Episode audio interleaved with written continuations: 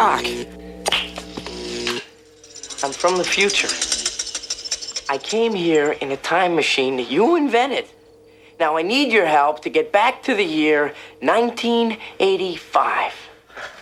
I'm telling the truth, Doc. You gotta believe me. Then tell me, future boy, who's president of the United States in 1985?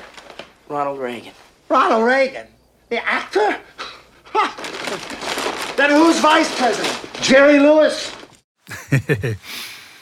Mange vil gjenkjenne dette klippet fra Tilbake til fremtiden, der hovedpersonen Marty forsøker å overbevise Doc om at han faktisk er kommet fra framtiden. Men når han påstår at Ronald Reagan er blitt president i denne framtiden, nekter Doc å tro det. Så hvem er visepresident, spør han. Jerry Lewis?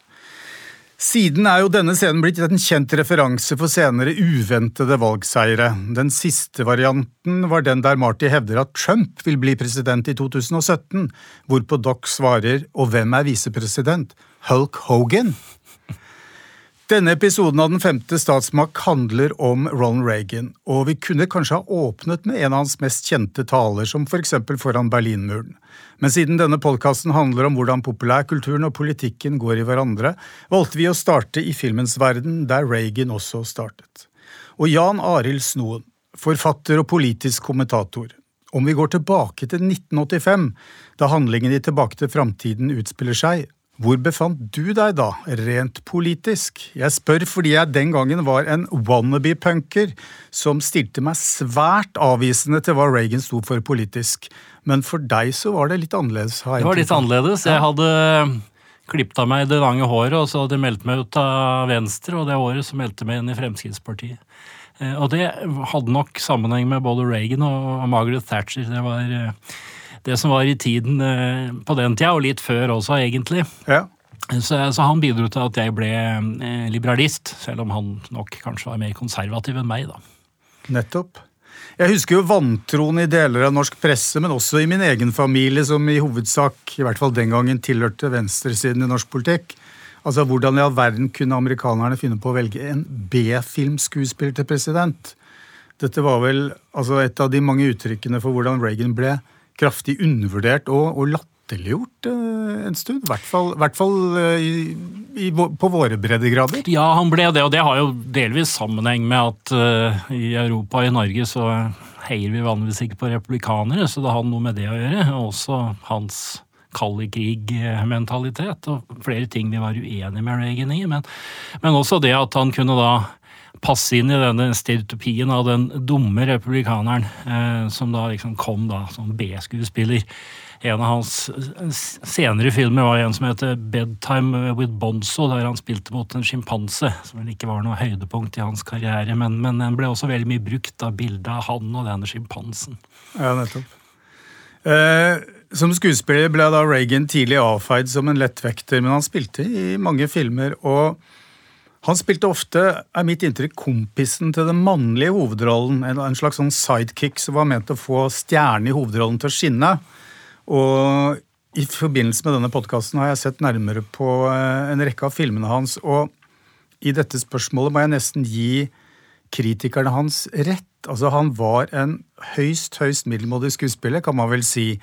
Men det la jo heller ikke Reagan skjul på selv, kan man si. Nei, han, han, han innså jo også det. Han, han, ble skuespiller like før andre verdenskrig eh, brøt ut. og da, Jeg sjekket også det at han spilte inn 13 filmer i løpet av 18 måneder. Ja. Eh, så det er klart at dette var ikke bare kvalitetsfilmer, selv om han også spilte altså Han spilte mot Errol Flynn, blant annet, i, i uh, ja, han spilte Custer mot, mot Errol Flynn.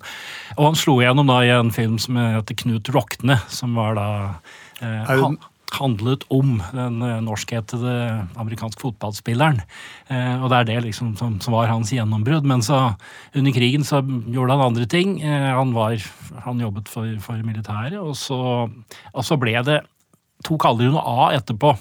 Så han forble B-skuespiller, men han var jo alltid jeg, jeg, tok med noen av, hans, eh, hans, eh, spøker, for han var jo en spøkefull. Og flere av dem gikk utover ham selv. Og blant annet så, så sa han jo at han, ble, han ble beskyldt for å være litt lat. Så da han var president, så sa han det at det, de sier at eh, De sier at eh, hardt arbeid aldri har tatt livet av noen, men eh, hvorfor ta sjansen? Ja. Og det var altså Reagan var sånn, eh, så det gikk ofte utover han selv, eh, i tillegg til kommunister og mange andre. da. Ja, men det var jo på en måte en altså Det skjedde jo ofte i, det, i den politiske karrieren hans også, at han, altså retorikken hans, eh, måten han holdt tale på altså det var, det var en ganske herlig selvironi til tider. Ja, det var Og det. det var altså. man jo ikke vant til. Og så hadde han, han hadde et lager av anekdoter og spøker Mm. og sånn, som, som kom veldig naturlig. Altså Du kan godt se altså andre presidenter, altså Barack Obama, kan også dra en god spøk, men det er my veldig mye tydeligere at han har forberedt dette i lang tid. Det gjorde nok Reagan også, eh, men han leverte, eh, og det er på grunn av den karrieren han hadde. Først i film. Ja, egentlig før der så, så var han jo også i, på radio, og så var han på TV etterpå. Eh, Så han fikk veldig mye erfaring med å levere. Eh, Så det hjalp han. Og eh, et eh, litt sånn kuriøst innslag, eh, men, men som var en vesentlig del av, av altså overgangsfasen hans til det politiske liv, var jo eh, den rollen han hadde som programleder og for så vidt altså skuespiller i TV-programmet General Electric Theatre på CBS, som jo var altså sponset av General Electric, eh, det store, gigantiske firmaet. Og der holdt han også taler på vegne av sponsoren, men også på vegne av relativt skal vi si, ja, liberale og til dels konservative synspunkter på ting. Eh, fordi jeg tenkte vi bare skulle høre et lite, lite klipp fra det. Men, men, men det som var spesielt med General Electric Theatre, var jo også at de viste dramatiserte eh, kortere filmer hvor han hadde hovedrollen. Og det vi skal høre her, er eh, et innslag hvor han spiller en lege som blir oppsøkt av to narkomane hipstere. Hvorav den ene spilles av en veldig, veldig ung James Dean. Ok. That's a bullet wound. Where'd you get that? From a gun, man. Where you going? To the phone. Well, it's like we were hunting, like this little bunny. Yeah, sure, I know. itself. You don't want to call nobody. I'm sorry. I have to call the police. That's the law. Law. we break those all the time, don't we? Oh, I guess we've broken maybe uh, ten tonight. One more's not going to hurt, Doc. Look, boys, I don't know what you've done. Ja, dette var et, et, et kort klipp, men der altså Reagan var den anstendige legen som ble oppsøkt av to hipstere som ikke viser særlig respekt for, for hans behov for å opptre lovlydig. Og jeg vet ikke om James Dean forsto hva han var med på der, men dette var på en måte før han slo igjennom i Hollywood. Men på mange måter så representerer jo Reagan her den samme farsskikkelsen som din gjorde opprør mot et, i rotløs ungdom, kan man kanskje si. Ja, det kan man nok. Men det er litt vanskelig å få det fulle inntrykk av den lille scenen der. Da. Men, Ja, ja. men dette showet var jo, det var jo et slags underholdningsshow, men, men der det også ble da rom for at, og i stadig økende grad, at Reagan mente ting. Mm. Så, så i løpet av denne perioden, som gikk fra 54 til 62, så, så, så, så beveget han seg i konservativ retning. Eh, og ble kjent for mange. Han reiste også rundt, på, for han var ansatt av General Electric, så han reiste rundt til, til fabrikker og installasjoner som de hadde, og snakket med, med de ansatte og drev en slags sånn eh, peptalk for, eh, for bedriften. Men, men hva sto han for politisk disse første årene av, av sin politiske hva skal vi si, vekkelse, eller, eller begynnelsen på karrieren? Altså, han var vel opprinnelig en slags demokrat? han regnet seg som demokrat. Reagan kom fra en veldig fattig familie, eh, så han har den, den vanskeligste bakgrunnen av alle presidenter i, i moderne tid, i hvert fall. Eh, Faren hans klarte aldri å holde på en fast jobb, og de flyttet mye rundt. Eh, Faren hans var alkoholiker, Reagan han gruet seg til jul, sånne ting. Så han hadde med seg sånn den type verdier inn, og rente seg som demokrat. Og så kom det da et mellomspill i Hollywood der han ikke først og fremst fra skuespiller, men der han var fagforeningsleder. Eh, og det kan vi kanskje komme tilbake til. men Mm. Det kan vi komme tilbake til, ja. Eh, Men, men så eh, dro han da litt på grunn av det han opplevde da, men også mer sånn generelt så mente han at staten begynte å bli altfor stor, og så, så dro han eh, mot Høyre. Og rundt 60, 1960 så definerte han seg som eh, republikaner. Og da, da sa han det som har blitt eh, sittende igjen senere, som han ofte sa etterpå, at det var, det var ikke han som forlot Det demokratiske partiet, det var partiet som forlot han.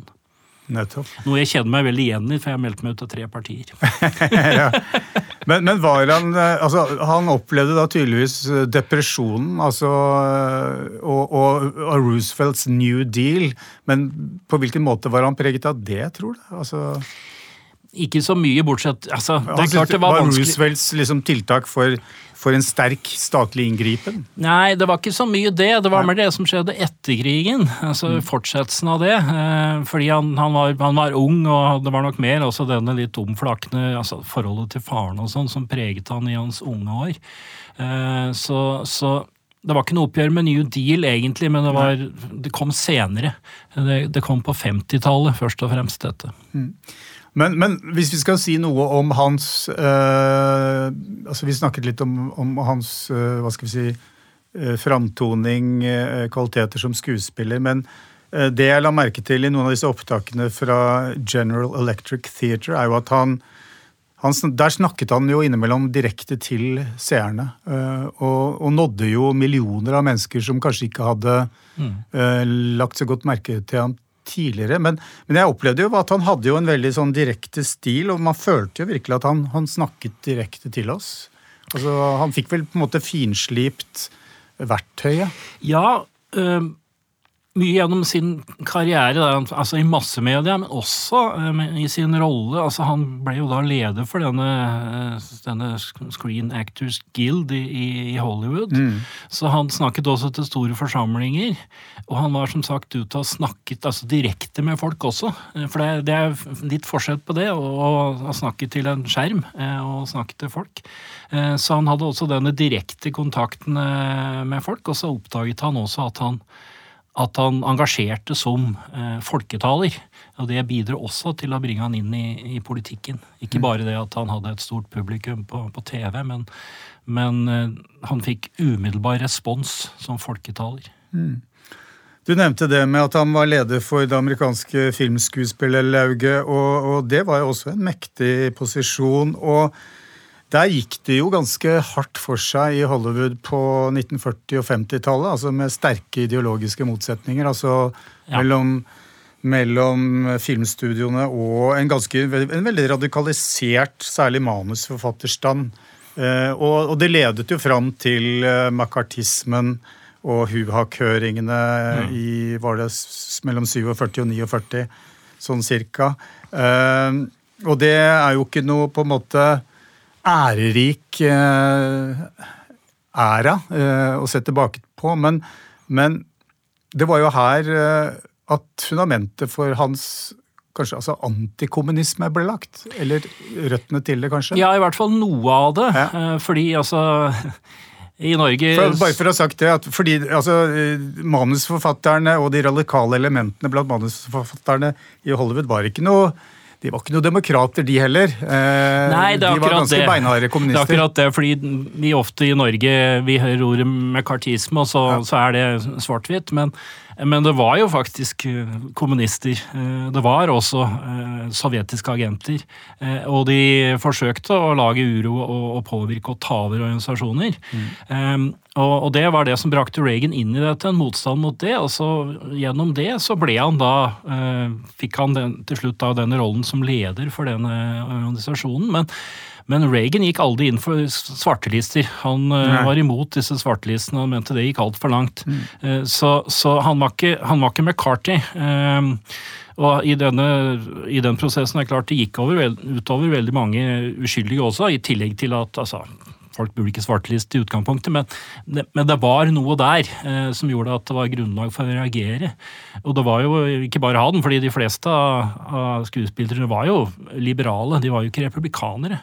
Eh, men de ble hijacket da, av en veldig radikal fløy som de eh, de reagerte mot. Reagan selv ble, ble drapstruet og fikk eh, beskjed om at hvis han ikke ga seg, så ville han ikke få jobbe mer. Altså Akkurat det samme som ble brukt mot uh, kommunistene. Så det var harde tak. Mm. Uh, men han kom ut av dette med den, organisasjonserfaringen og med en Helt sikkert også et negativt syn på, på kommunismen.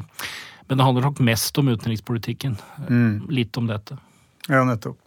Eh, altså, da han eh, Altså veien fram til å bli guvernør, hva kan vi si om det? Altså eh, I presidentvalget i altså, Ja, i 60. Mm. I 60 så hadde jo Nixon tapt for Kennedy pga. Kennedys eh, hva skal vi si, karisma og, og, mm. nettopp altså hans eh, Det at han på en måte fungerte så godt foran skjerm, i hvert fall i forhold til Nixon, som hadde jo framsto som uh, Hva skal vi si altså, Han hadde denne five o'clock shadow, han, han var ubarbert plutselig. Ja.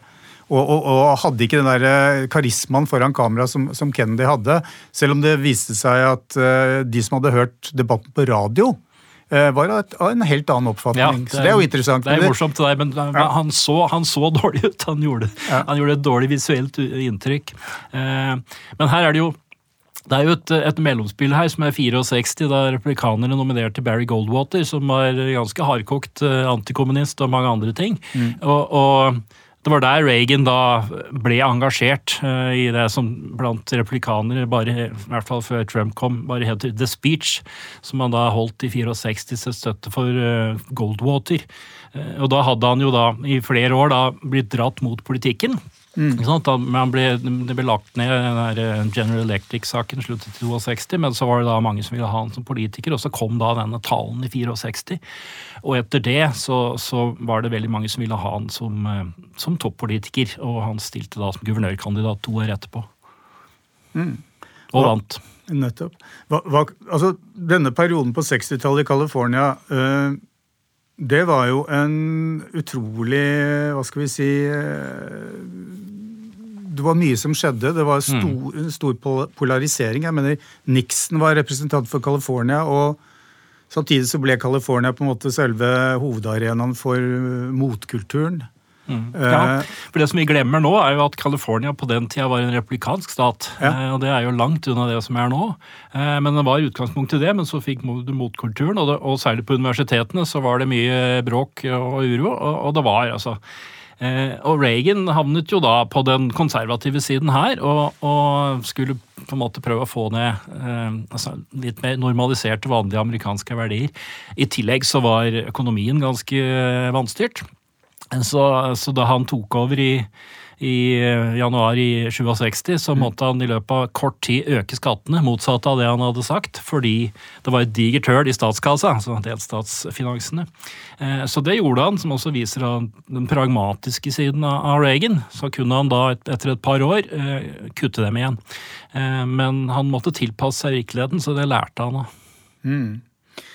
Uh, altså, Du nevnte det med at uh, altså det var en, Om ikke en republikansk bastion, så hadde republikanerne i mange år makten i, i California. Altså, uh, var, det, var, det, på en måte omveltningene, altså en ny generasjon, som, som førte til at altså som førte til at California har blitt det de er i dag, da? Selve, selve liksom, delstaten for liberale verdier?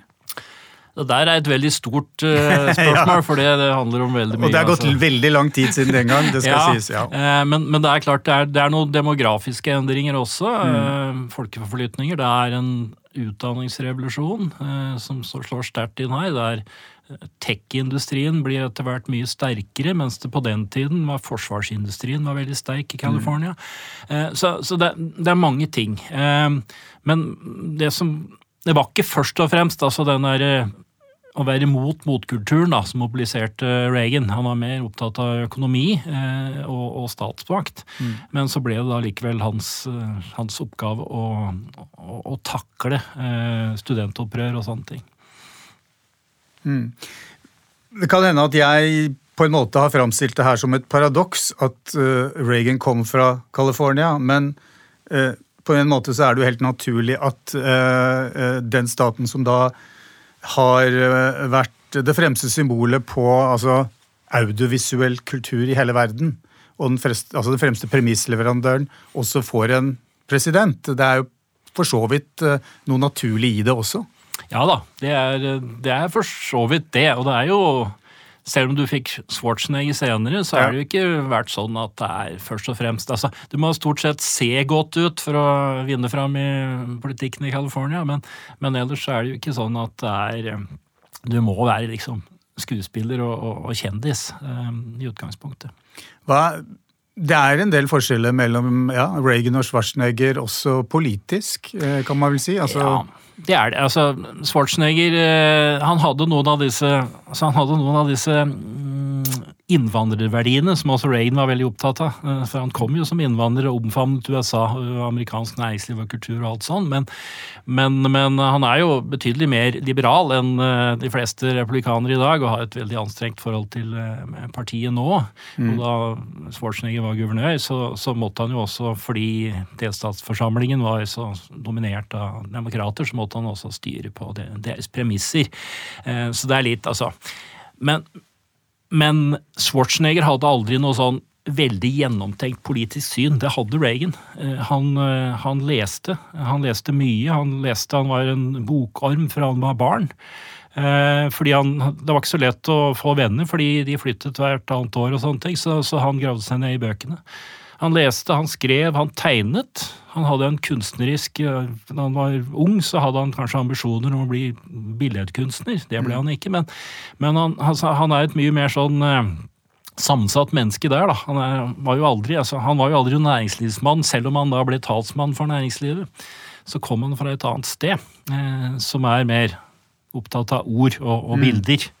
Altså tegning først, men så de, de, levende, de levende, bildene. Da. Men kan vi si at han revolusjonerte måten en president framsto på altså når han formidlet et budskap. Altså, det var jo hele pakka med det audiovisuelle inntrykket. Eh, den troverdigheten og direktheten han projiserte, kanskje. Altså, eh, Nå tar jeg kanskje litt hardt i her, men ja, det, det, er litt vanskelig å si, fordi ja. vi, eh, vi, er ikke gamle nok, noen av oss, til å si noe. Men det er klart, altså, Kennedy gjorde jo noe av det samme. Han var jo mm. en, en stjerne og, og, gjorde seg på talerstolen og på TV og, og, sånt også. Så han gikk nok foran med det. Eh, men han var jo ikke da profesjonell på samme måte som, eh, som Reagan var. Eh, og så var altså Reagans taler er jeg hørte om et par av dem uh, før dette programmet i dag. De, er, de holder fremdeles veldig god standard. Mm. Både formuleringene, men også ikke minst da leveringen uh, av dette. Så det har, uh, det har dannet skole. Og du har, hatt, du har, hatt, folk som har vært flinke til å framføre scener også. altså både Bill Clinton og, og Barack Obama. Ja, Clinton var god, Barack Obama var ujevn, etter min mening. Men også han er gode taler. Bush har også gode taler, etter min mening. Det er ikke mange okay, i Norge ja. som er enig i det, men fordi det er lett for å, liksom, å, å la budskapet stå i veien for å se at det kan være eh, gode taler. Men, eh, så de er, de er, bedre enn de var eh, i gamle dager, tror mm, jeg. Mm. Jeg har bare sett opptak, kort opptak av Roosevelt og sånne ting, men det holder ikke samme standard etter min mening som det som er vanlig nå. Trump skal vi ikke snakke om akkurat nå, det er en, det er en helt annen ja. greie. Men, eh, men, ellers så, så, har, så det, var, det, tok et langt skritt framover med, med, Reagan, og etter min mening så har ingen klart å komme opp på Reagans nivå etterpå. Men nivået er høyere nå enn det var på 40-50-tallet, tror jeg. Men når du sier nivået, altså retorisk eller formidlingsmessig, eller hva? tenker du? Ja, jeg, jeg tenker på altså noe som appellerer mer til altså går, går rett til folk, da, istedenfor å snakke litt ned til dem. Så både, mm. altså både Obama og, Clinton var flink til det. altså Clinton sa 'I feel your pain'. altså Du kunne nesten tro på han. Mm. Hadde Rain sagt det, så hadde jeg trodd på han, men det kan jo være med min politikk å gjøre også. Eh, men de, de, kommer litt ned fra altså eh, Eisenhower og sånn. Mm hadde ikke den type connection da, med, med folk. Men, men, det var vel der skuespillerbakgrunnen slo inn? da? Ja. Evnen til å altså, formidle noe med, med, med, fullstendig overbevisning?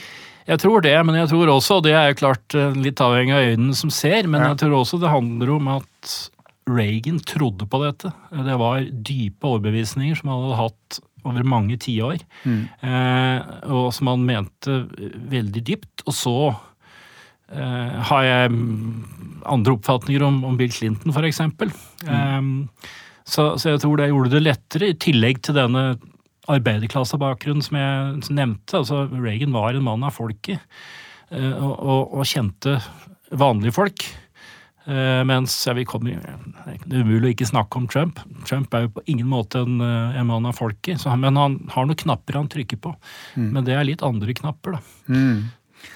Uh, I en tidligere episode av, av denne podkasten så berørte vi altså Disney-konsernets konflikt med Floridas guvernør Ron DeSantis, som jo på en måte Det er vanskelig å forestille seg Reagan gå inn i clinch med Disney og altså, Jeg greier ikke å se for meg at andre, noen andre skulle presidentkandidater egentlig skulle anklage Disney for å være for altså woke eller liberalt. Det er, det, det er, på en måte dratt ut i det nesten absurde. Mm. Men, men, der er vi jo, og, og, hvordan på en måte passer Reagan inn i det republikanske partiet i dag?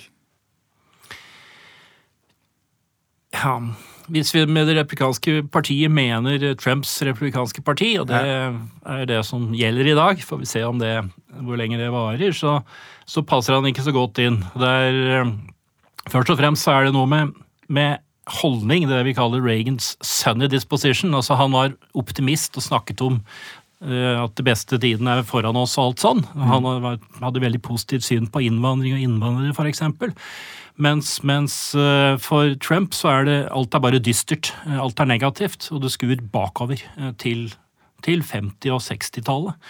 Eh, så, så, inngangen er veldig forskjellig. Eh, det er mulighetenes land hos Reagan, og så er det det truede landet som må, bygges, eh, må beskyttes bak murer hos Trump.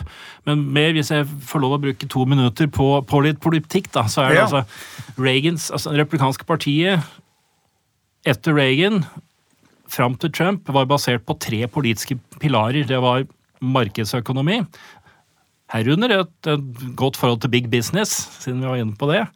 Eh, og det var eh, et sterkt forsvar, en aktiv utenrikspolitikk og aktiv alliansepolitikk med sine venner. Og så var det kulturell konservatisme. Under Trump så er det bare det siste som er igjen. Og det er for øvrig den, den biten som jeg aldri likte med, med, med Reagan. Så mm. det eneste som er igjen av disse tre, er det. Eh, mens på de andre så så har du gått i en annen retning selv da i, i, økonomiske spørsmål. Så de er veldig kritiske nå til big business. Eh, både Trump og DeSantis og mange andre. Eh, og i det de kaller en sånn nasjonalkonservativ ideologi. Og det er mye fordi de oppfatter at big business har blitt overtatt av, av venstreliberale. Og da er vi tilbake på den kulturkrigen og mm. wokeismen eh, igjen.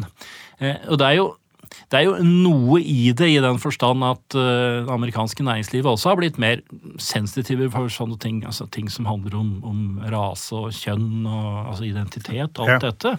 Uh, på godt og vondt. Og så kan noen av dem altså da av og til bikke over. Ikke så mye big business, men deler av Hollywood, og særlig skuespillerne der, kan jo gjøre det. Uh, og da fins det en legitim kritikk, men det fins også en veldig overdrevet kritikk, som, som replikanerne står for i, i, stor grad nå. Så de har så denne, denne, kulturelle konservatismen deres gjør at de nå ser på også deler av næringslivet som, som forrædere mot det ekte amerikanske. Mm. Sånn var det aldri under Reagan. Eh, og sånn Ja, de oppfattet det aldri sånn, og det var ikke sånn heller. Nei. Så det har skjedd en viss reell endring i, i, næringslivet, og så har det blitt blåst opp veldig og laget til et fiendebilde for, for deler av det replikanske partiet. Men om vi skal se på altså forholdet mellom altså Sentralt for denne podkasten er jo forholdet mellom eh, Hollywood og, og, Washington. Men, men hva, hva, slags oppfatning har eh, den vanlige amerikaner av Hollywood? For Hollywood er jo på ene siden kanskje den mest effektive sprederen av eh, amerikansk individualisme, kan du se, mm. på verdensbasis. Så det er på en måte, har jo vært et ideologisk verktøy. På andre siden så, så, er jo da deler av det politiske liv litt skremt av hva det innebærer av altså, liberal utglidning, eller hva man skal kalle det. Altså, så det er jo en slags ambivalens der, da, kanskje? Mellom... Ja, det er jo det. fordi altså, det er jo ingen tvil om at hvis du, hvis du, spør hva de som jobber i Hollywood stemmer, så er det ganske langt mellom replikanerne. Eh, og det er også en del av, av skuespillere som er veldig høylytte og gjerne er med på ulike typer uh, aksjoner på, som assosieres med venstresida. Men hvis du ser på innholdene i filmene, så er det um, mer, som du er inne på, at det, det er liksom det amerikanske etos. Altså du, mm. det, er det, er, en forandring. Du, du, du, eh, du står imot vanskelige ting og kommer igjennom, og liksom du blir eh, og vinner til slutt, og alle sånne ting. Eh, og, og i, i, mange land så er jo amerikansk film hatet nettopp fordi at, eh, som du er inne på, sprer amerikansk eh, kultur og amerikanske verdier. Og det gjør at altså, amerikanere de fleste Det finnes noen målinger på dette som viser at det er mange amerikanere som, er, som mener at Hollywood er på venstresida. Samtidig så, så hindrer ikke det dem å, å, å se de store filmene. De ser riktignok ikke på disse veldig politiske filmene. Det, det, lages ikke så veldig mange av dem heller i USA, fordi det er ikke noe marked for det utover New York og et par andre steder. Mm. Så, eh, så her er det en det er en eh, karikatur, da. Du kan alltid finne noe ikke sant, å henge dette på mm. i, i Hollywood-filmer, eller hva, som, hva skuespillere sier. Men, men eh, jeg oppfatter ikke amerikansk film som gjennomgående som, som veldig ideologisk gjennomsyret av noe, noe venstreagenda. Men det er klart, det finnes jo unntak, og det finnes altså filmer som handler eksplisitt om rase og politi og alle disse tingene her, eh, har jo ofte et politisk budskap. Mm. Um, Nå, det hører med til historien at, at uh, nettopp dette, denne scenen vi avspilte helt i starten fra Tilbake til fremtiden, var et, et av uh, Ronald Reagans uh, Altså en av hans yndlingsscener. Han lo, han lo godt når han, når han, så den filmen. så takk for at du ble med på denne samtalen, Jan Arild Snoen. jeg tenkte vi kunne avslutte med et av Reagans retoriske høydepunkter da han under en debatt ble spurt om han ikke begynte å bli for gammel til å være amerikansk president. Ja. Og du, du, kjenner sikkert til det. Eh, og vi vet jo at Joe Biden sikkert vil få det samme spørsmålet, eller har definitivt fått det allerede, når han stiller på, som kandidat nå på nytt. Eh, så spørs det om han greier å vise den samme stråle, strålende timingen i sitt svar. You already are the oldest president in history, and some of your staff say you were tired after your most recent encounter with Mr. Mr. Uh, Mondale. Um, I recall yet that President Kennedy had to go for days on end with very little sleep during the Cuba Missile Crisis. Is there any doubt in your mind that you would be able to function in such circumstances? Not at all, Mr. Truitt, and I, and I want you to know that also I will not make age an issue of this campaign. I am not going to exploit for political purposes my opponent's youth and inexperience.